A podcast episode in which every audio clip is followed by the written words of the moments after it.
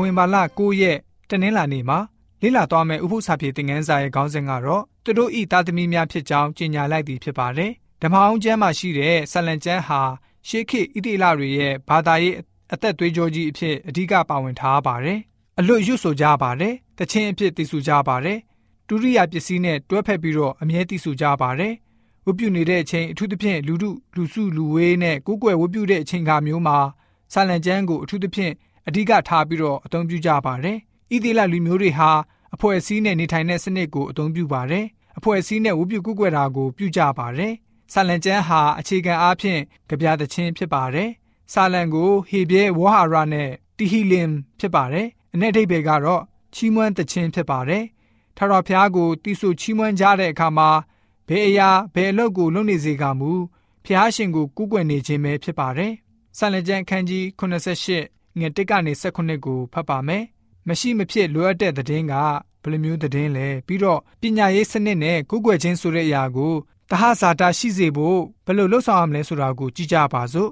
ငါဤလူများတို့ငါတရားကိုနာကြလော့ငါမွဲ့သောစကားကိုနားထောင်ကြလော့ပုံစကားကိုငါမွဲ့ဆို၍ရှေးကာလဤနည်းနည်းသောအရာများကိုဖော်ပြပေအံ့ဘိုးဘေးတို့သည်ပြော၍ငါတို့သည်ကြားသိရသောထိုအရာများကိုတားမြေတို့မှမဝက်မထား ထာဝရဘုရား၏ဂုဏ်ကျေးဇူးတော်နှင့်တကူတော်ကို၎င်းပြုတော်မူသောအံ့ဩဖွယ်အမှုတို့ကို၎င်းဖြစ်လက်တတ်သောသူတို့အားဖော်ပြကြမည်အကြောင်းမူကားယာကုပ်အမျိုး၌တက်တေတရားကိုစီရင်၍ဣသေလအမျိုး၌ပြည့်ညက်တရားကိုထားတော်မူ၏တဘောမဖြောက်ဖျားသခင်၌ဆက်ဝိညာဉ်အမြဲမစည်းကပ်သောအမျိုးငင်းဆန်၍ပုံကန်တက်သောအမျိုးဒီဟုသောဘိုးဘေးတို့ကဲ့သို့တားမြေးတို့သည်မဖြစ်ဖျားသခင်အမှုတော်တို့ကိုမမေ့ဖျားသခင်ကိုယုံကြည်ကိုးစား၍ ပြည့်ညက်တော်တို့ကိုစောင့်စေခြင်းက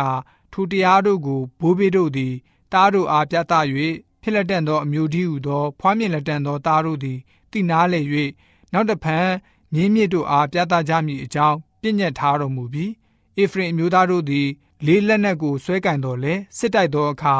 နောက်သို့လှည့်ကြပါသည်တကားဘုရားသခင်၏တစ္ဆာတော်ကိုမဆောက် တရားတော်လမ်း၌တွားခြင်းကအလိုမရှိကြအမှုတော်တို့ကို၎င်းပြတော်မူသောအံ့ဩဖွယ်တို့ကို၎င်းမိလျော့ကြ၏အကုတုပြည်ဇောနအရက်တွင်သူတို့အဘများမျက်မှောက်၌အံ့ဖွယ်သောအမှုတို့ကိုပြုတော်မူ၏ပင်လေကိုခွဲ၍သူတို့ကိုရှောက်သွားစေတော်မူ၏ရေများကိုစုပုံ၍ထားတော်မူ၏နေ့အချိန်၌ကမိုးတိမ်ဖြင့်၎င်းညအချိန်၌ကတညလုံးမြည်လင်းဖြင့်၎င်းသူတို့ကိုလမ်းပြတော်မူ၏တော၌ကြောက်တို့ကိုဖောက်၍ပင်လေရေကဲ့သို့များစွာသောရေကို သူတို့အားတိုက်တော်မူ၏ကြောက်သေးကစီးသောရေကိုထွက်စေ၍မြစ်ရေကဲ့သို့ရေများကို စီးစေတော်မူ၏ထိုသူတို့မူကားအမြင့်ဆုံးသောဖျားကိုတော၌ပုံကန်သောအဖျင်တိုး၍ပြစ်မှားကြ၏ဆိုပြီးတော့ဖော်ပြထားပါတယ်။ဆန်လကျမ်းအခန်းကြီး88ရဲ့ပေးထားတဲ့သတင်းစကားကိုဖတ်ရှုတဲ့အခါမှာစိတ်ဆုံးဖြတ်ချက်ချရမယ့်အကြောင်းအရာတစ်စုံတစ်ခုကိုတွေ့ရှိပါသလား။အခန်းငယ်နှစ်မှာရှေးကာလရဲ့နည်းနည်းသောအရာလို့